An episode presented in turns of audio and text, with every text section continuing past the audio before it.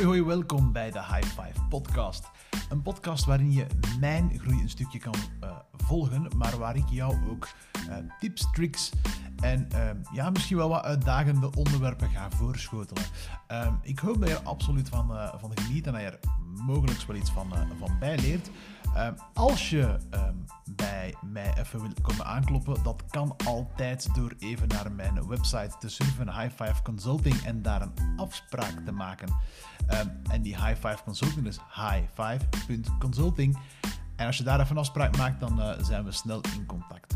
Um, je zal hier dingen leren over persoonlijke groei. Je zal hier dingen uh, horen over hoe een business kan gaan groeien. En ook hoe ik mijn twee businesses laat groeien. Um, ben jij benieuwd? Ik ben alleszins wel echt super enthousiast om jou uh, mijn verhaal een stukje te delen en jou te challengen in jouw gedachten. Um, laat gerust weten wat je ervan vindt voor, door op de podcast-apps mij 5 sterretjes te geven. Of door op Spotify gewoon lekker de interactie aan te gaan met uh, de vragen die ik stel onder mijn episodes. Want dat kan gewoon tegenwoordig in, in, uh, in, in Spotify. Um, ja, laat maar even weten wat je ervan vindt. En uh, ja, tag mij alsjeblieft op Instagram um, als je mij aan het luisteren bent. Veel plezier ermee en tot zeer binnenkort. Bye bye.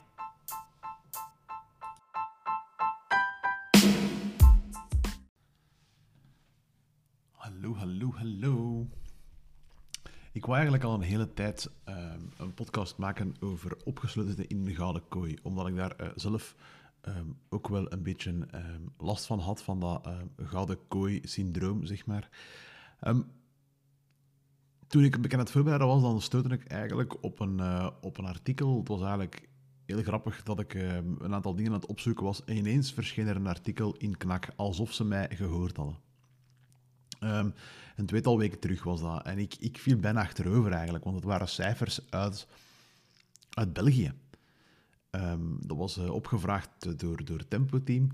En ik vond dat eigenlijk super frappant, omdat het um, toch wel is dat mensen zichzelf opgezet voelen in een gouden kooi. Nu, van de, ik denk dat 250 werkgevers waren, 25.000 mensen of 2500 mensen, ik zal het even opzoeken. 2200 mensen en 250 werknemers. Um, ja, die 38,7 procent, ik herhaal, 38,7 procent voelt zich opgesloten in een gouden kooi. Amai, ik, ik viel karma achterover. Um, ik, ik wist eigenlijk wel dat er veel mensen waren die zich wel opgesloten voelden, maar 38,7 procent? Wauw, echt wij zijn eigenlijk met bijna 40% van de mensen, 40%, dat is 4 op 10, zijn wij, uh, ja, voelen wij ons opgesloten in een gouden kooi. Nu, opgesloten in een gouden kooi, um, ja, dat kan vaak voelen als, um, ja, ik wil hier niet weg, of weet ik veel wat. Maar wat heel veel van die mensen aangaven was, ja, in die gouden kooi, doordat ik mijn eigen opgesloten voel, heb ik ook bijvoorbeeld een gebrek aan motivatie. Van die 40% van mensen zegt 73% van die, van, van die groep zegt ik heb een gebrek aan motivatie. Wauw, gebrek aan motivatie wil eigenlijk zeggen dat je s'morgens opstaat en denkt oh fuck, ik moet weer gewoon werken. En niet ik mag weer gaan werken. En ook 71% van diezelfde groep gaf aan dat ze ongelukkig zijn. Ongelukkig in hun job. Dus dat je echt gewoon ga, ga werken, s'morgens dat je op en je voelt als wat moed in je schoenen zakt um, en dat je eigenlijk er niet gelukkig van wordt. En 71% hè, dus van, van, van die groep zegt ook, um, ik mis betrokkenheid. Betrokkenheid bij mijn werkgever of betrokkenheid bij mijn werk. Wauw. Echt, ik, ik, ik viel bijna achterover. Of sterker nog, ik viel achterover. En ik denk als dat in België zo is, zal dat in Nederland ook zo zijn. En zal dat potentieel misschien in andere landen ook wel zo zijn, afhankelijk een beetje van ja, de cultuur ook wel, denk ik, dat er, eh, dat er heerst. Nu, wetende dat wij eh, in, in, in Vlaanderen um, toch wel um, noeste werkers zijn, zeg maar, of in België noeste werkers zijn, um, ja, dan verschiet ik er eigenlijk van dat we niet meer een sprong durven wagen naar een ander bedrijf of een andere job, of misschien wel helemaal zelfstandig. Um, want het is toch te zot dat je zonder motivatie, een ongelukkig bestaan en helemaal mist waarom dat je het aan het doen bent, dat je toch nog altijd blijft werken voor jezelfde werkgever. Ik vind dat eigenlijk frappant. Nu, er stonden ook wel wat redenen, uh, of, er zijn wel wat redenen dat je kunt bedenken waarom dat mensen um, die bovenste drie categorieën um, ja, waarom ze zichzelf daaronder klas, klasseren en het dan misschien toch niet doen. In die zin, ze gaan dan toch niet die, die gouden kooi en dat zultje van die gouden kooi gaan zoeken. Sterker nog, ze gaan zich goed opsluiten, lekker warm in de comfortzone. En dat is denk ik een eerste dingetje, is... Um, ja, sommige mensen willen ook gewoon niet veranderen, omdat, er, omdat ze zodanig in comfort zitten, dat ze zitten van, oh, maar weet ik heb eigenlijk geen zin om opnieuw te beginnen. Um, ik zit hier goed en ja, ik word er niet blij van. En nee, ik ben niet gemotiveerd, maar uh, it pays the bills op het einde van de maand. Um, en, en ja, bol, zal wel. En, ik, en mijn werk, ik kan dat ook wel. Dus, en, en mensen ze lijken ook wel blij te zijn wat ik doe. Dus ja, waarom zou ik veranderen? Ik, alles is goed. Um, wat dan natuurlijk ook uit pay the, pays the bills in the end of the month, is een zekerheid ook. Een zekerheid van ja, ik ga niet in de problemen komen. Hè. Ik, ik, heb al heel veel uh, veranderingstrajecten gezien of zien opgestart worden bij, bij bedrijven.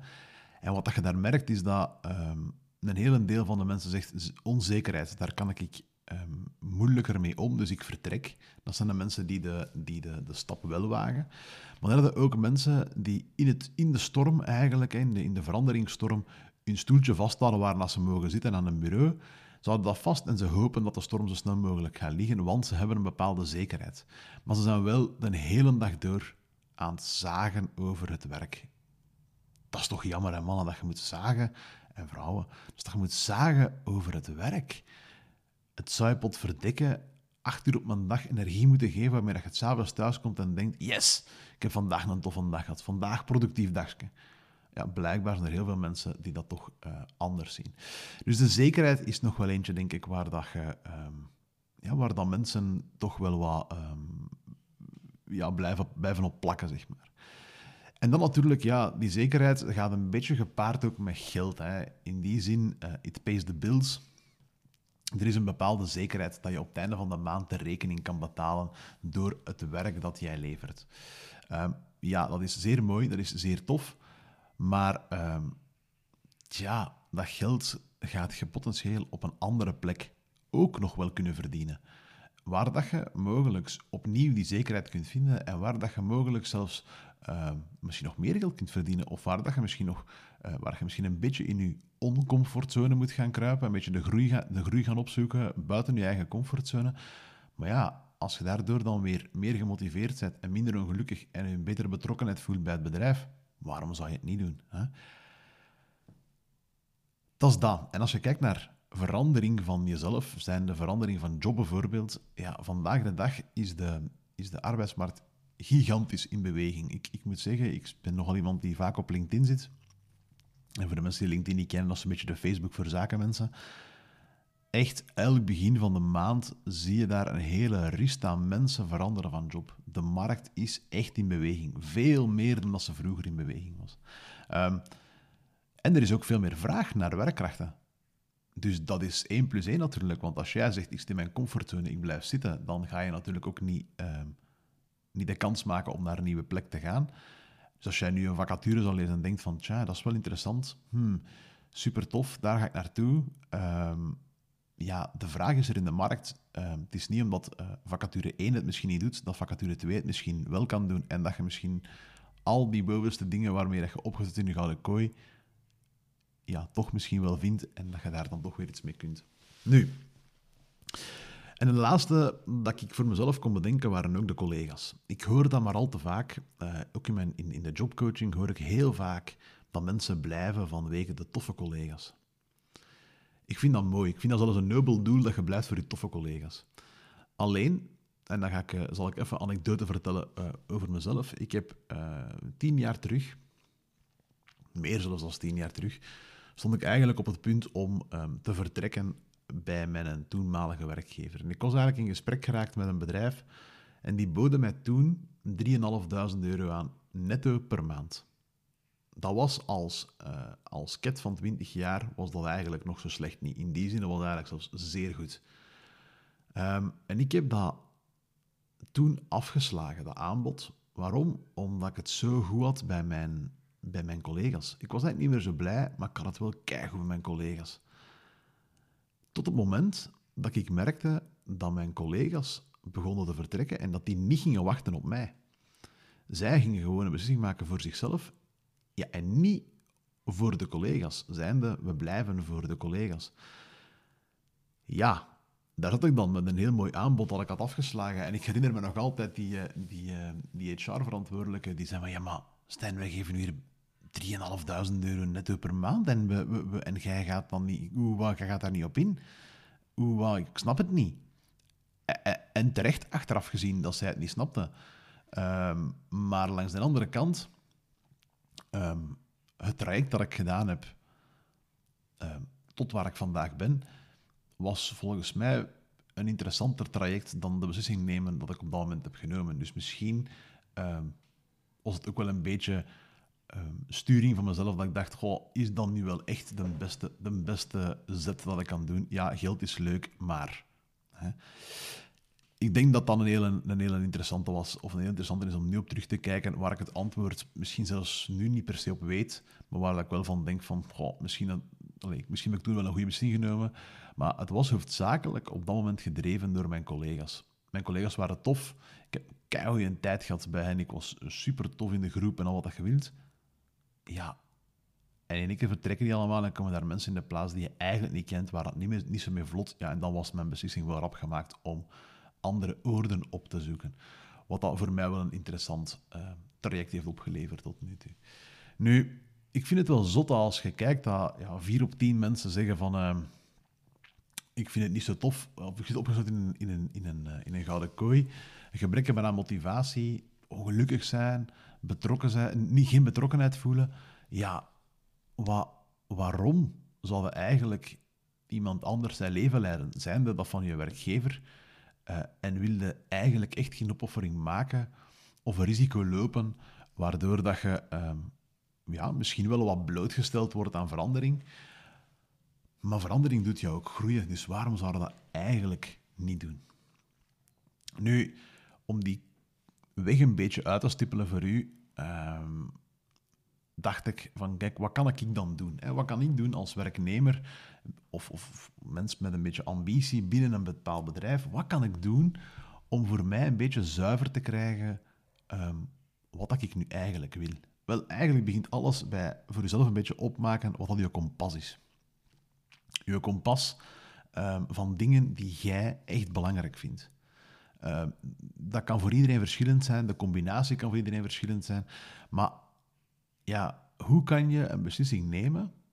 En dat geldt trouwens ook voor een ondernemer. Hoe kan je een beslissing nemen als je niet weet welke richting jij uit wil? Wat zijn nu de waarden van jezelf en van jouw onderneming als ondernemer? Wat zijn nu de waarden van mezelf en van, en van mijn onderneming, waaraan dat ik mijn beslissingen ga nemen om vooruit te kunnen komen?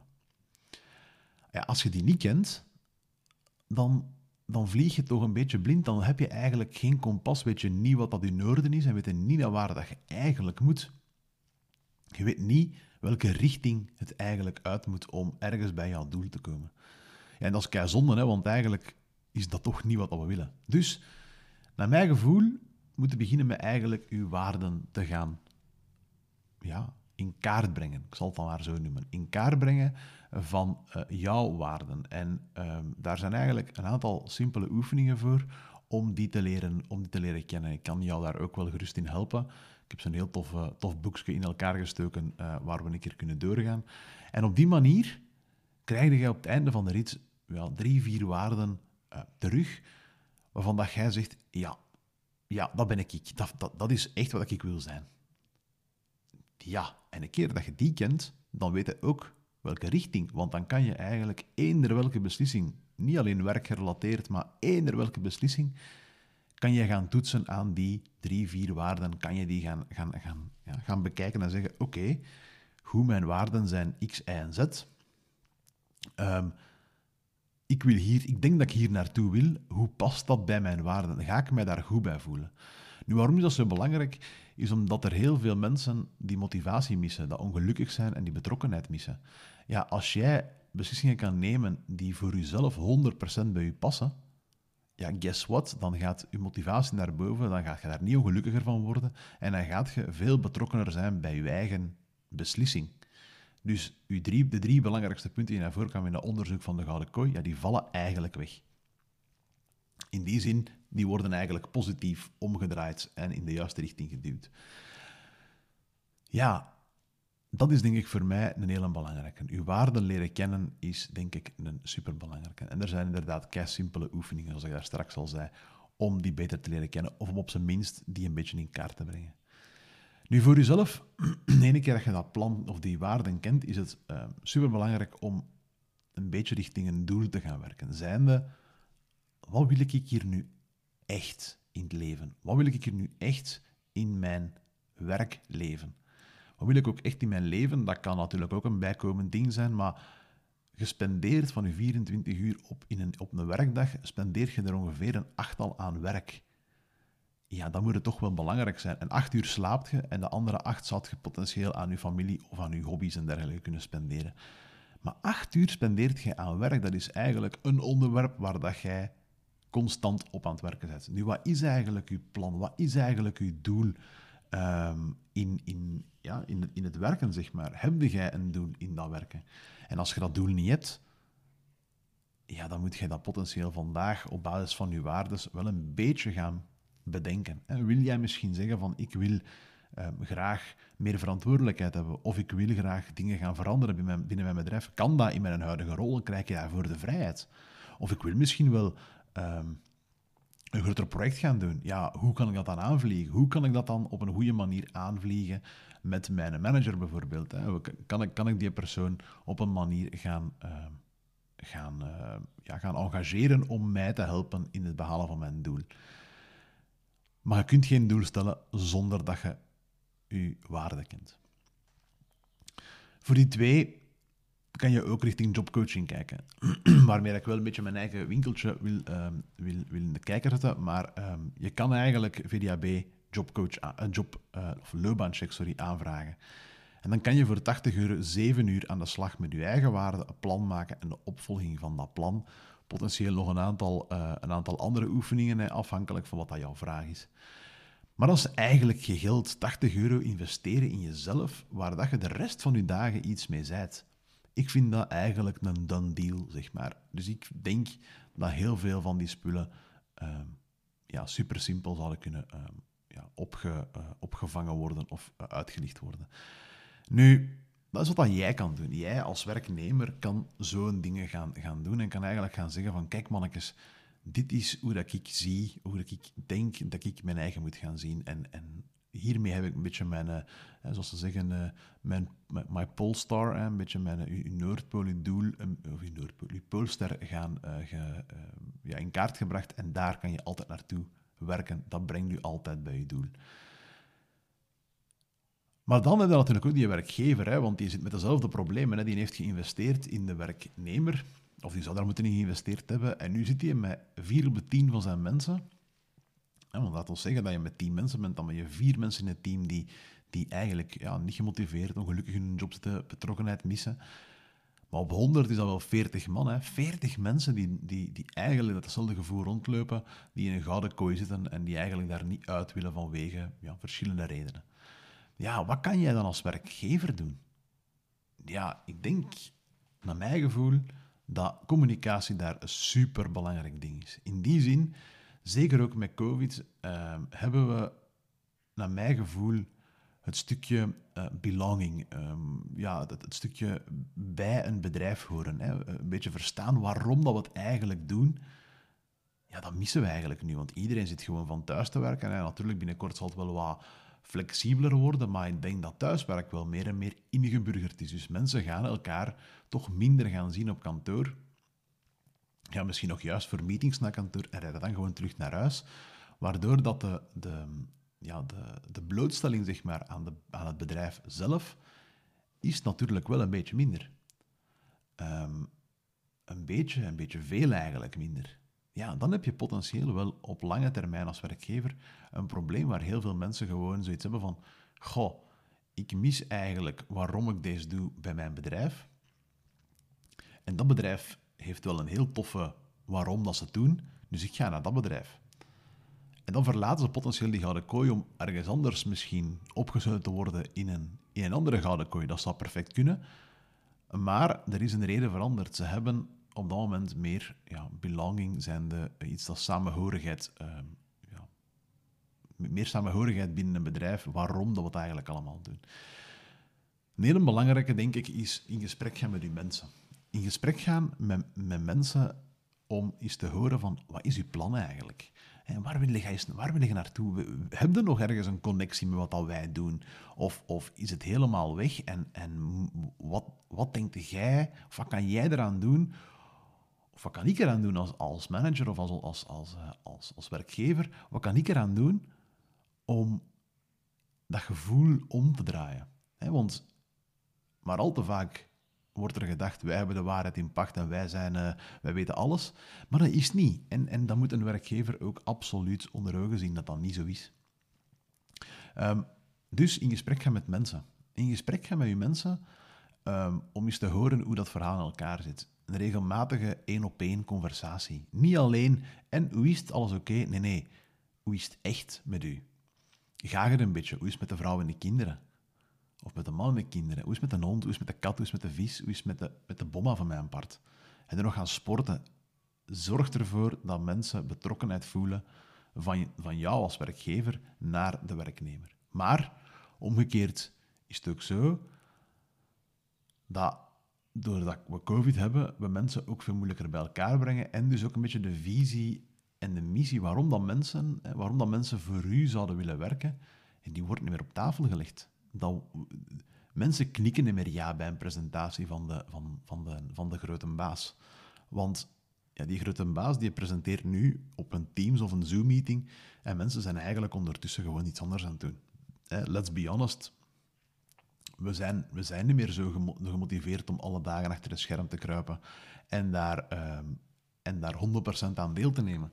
Nee, nee, we zijn eerder geneigd om te proberen multitasken. En guess what? Multitasken, dat kan niet. Je mocht gerust een bladje papier pakken, je naam eens opschrijven en uh, probeer dan je naam op te schrijven, maar afgewisseld door een cijfer. Ik kan u zeggen, dan moet je constant switchen tussen verschillende uh, modellen in je hoofd en dat lukt niet. Dat is net hetzelfde met multitasken als je op een Zoom zit en je bent aan het werken, dan zijn er één van de twee niet goed aan het doen, of eigenlijk zelfs alle twee niet goed aan het doen. Want je bent eigenlijk half geconcentreerd op het een en half geconcentreerd op het ander, en dat werkt niet. Dus als werkgever kan jij gewoon perfect zeggen van ja, ik moet mensen terug wat gaan samenbrengen, ik moet de, de, de missie en de visie duidelijk op tafel gaan leggen. Waarom zijn we aan het doen wat dat we doen? Waarom doen we vandaag waarom dat we het doen? Of wat dat we doen en hoe dat we het doen. Waarom is dat? En um, het is een super interessant boek, hè, Start With Why van Simon Sinek. Ja, die zegt dat ook echt. En die, er is een super interessante um, uh, TED-filmpje van echt al serieus wat jaren terug, waarin dat hij eigenlijk bespreekt, um, bespreekt eigenlijk de Golden Circle, noemt hij dat. En de Golden Circle start eigenlijk vanuit de, de, vanuit de waarom.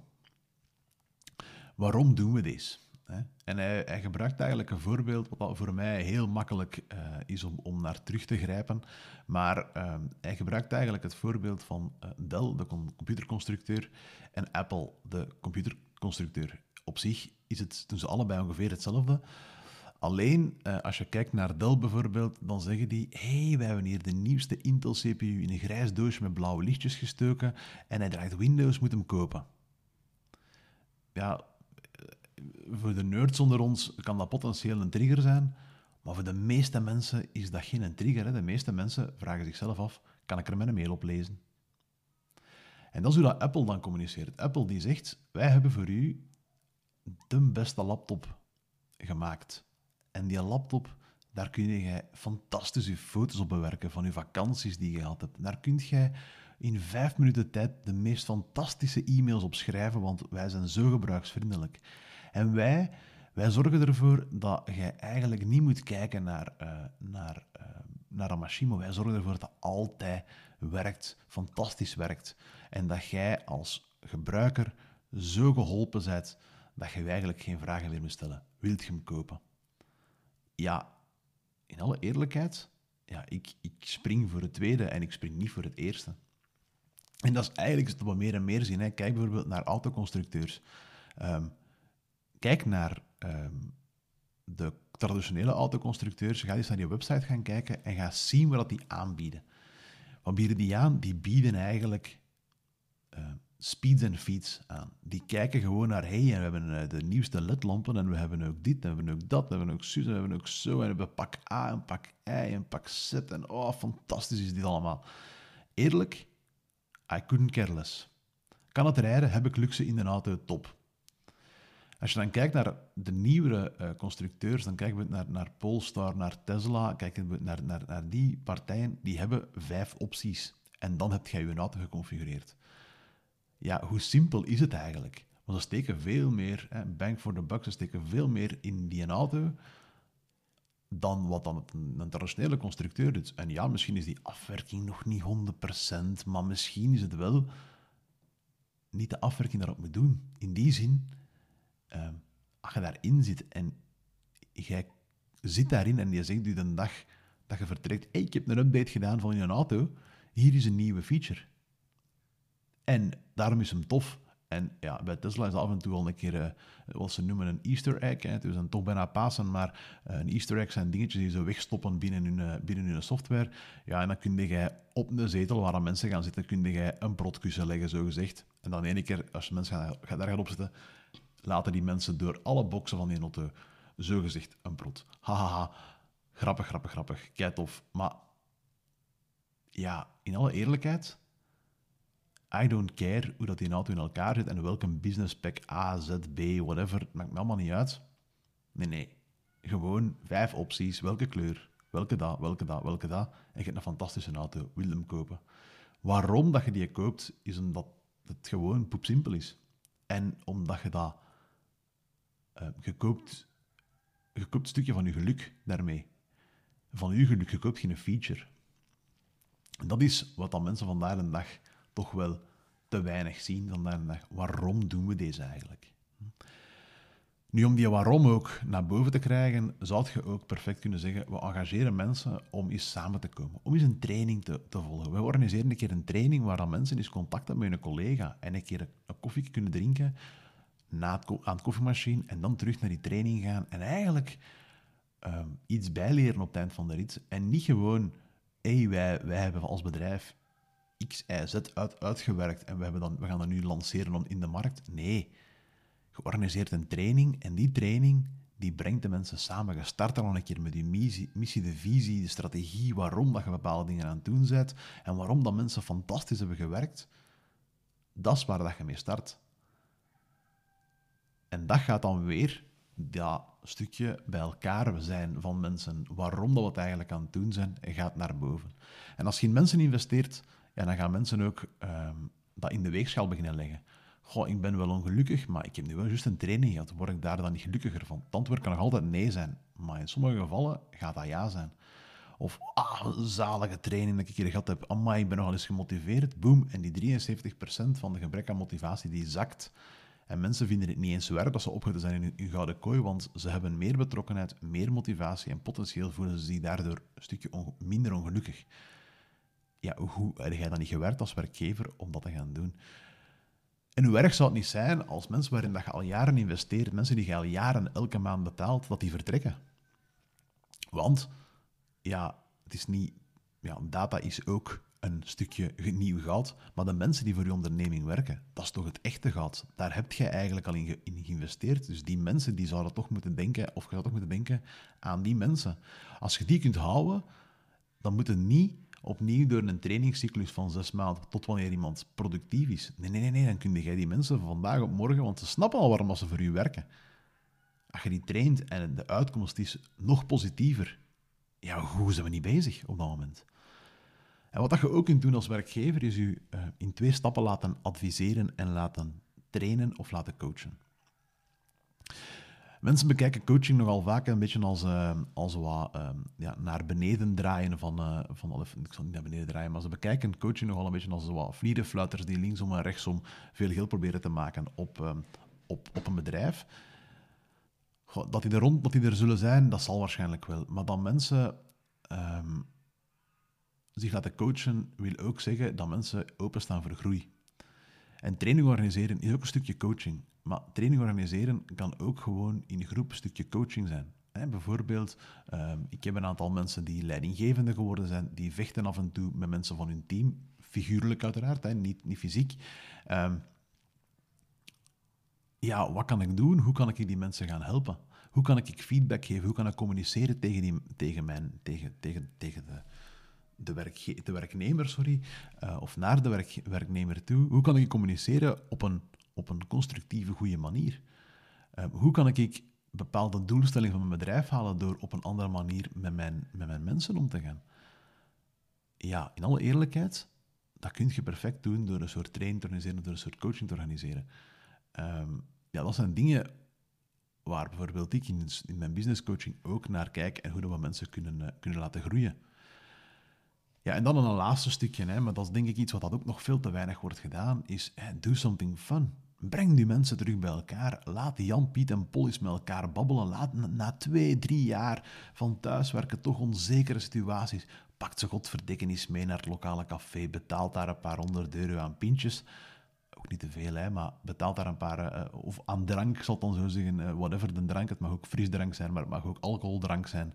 Uh, zorg ervoor dat mensen nog eens met elkaar kunnen bij elkaar komen. Zorg ervoor dat je op die manier een, een, een sfeer kunt creëren die jij, die jij wenst te hebben met je, met, uw, ehm, met, uw, met uw werknemers.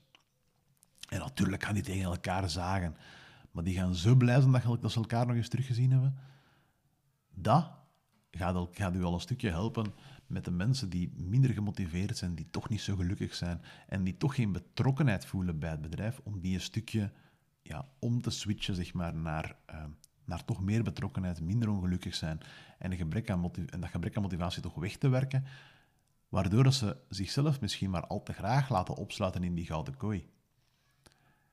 Want ja, dat is op zich niet eens zo erg op dat moment, want er is terug een stukje betrokkenheid, er is terug uh, iets waarvoor dat ze het doen, waarom dat ze het doen.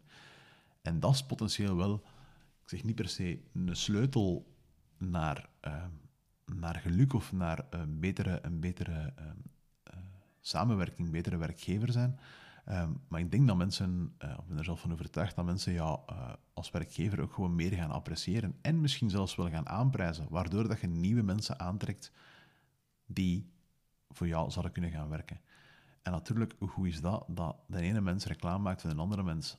Of voor de ene, de ene werkgever reclame maakt voor zijn werk... Uh, wacht, dat de ene werknemer reclame maakt voor zijn, voor zijn werkgever om bij hem of haar te gaan werken.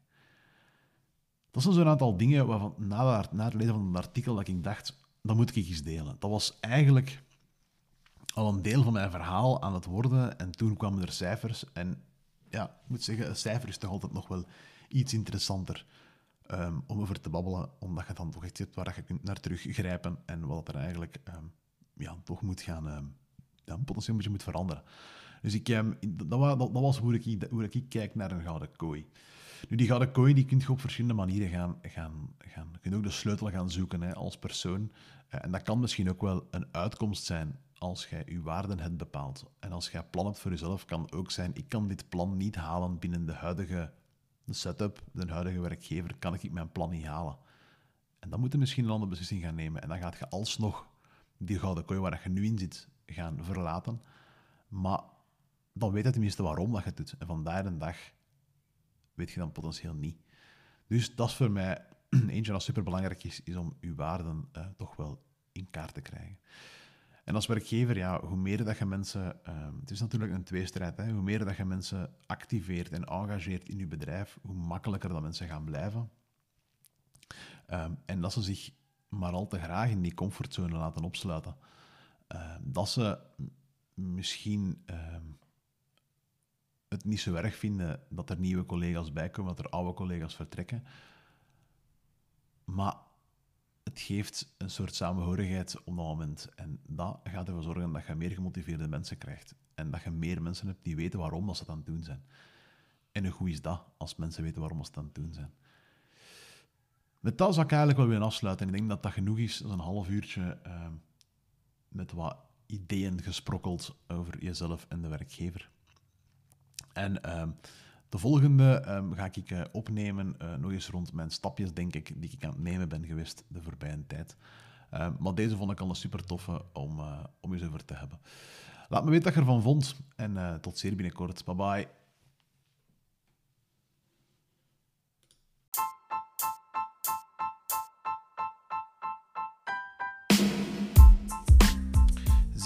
Ziezo. Dat was alweer het einde van de High Five podcast.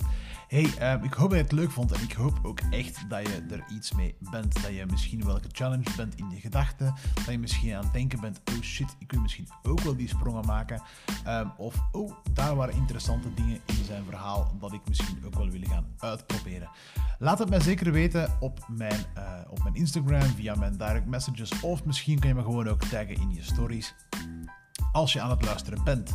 Um, laat me weten um, wat je ervan vindt en alsjeblieft geef me even 5 sterretjes, want dat is super leuk voor de Spotify ranking of de podcast ranking in het algemeen. Vergeet ook niet de vraagjes in te vullen als je via Spotify luistert. Onder de episode vind je altijd vraagjes terug. Tot zeer binnenkort. Bye bye. Bedankt voor het luisteren. Bye bye.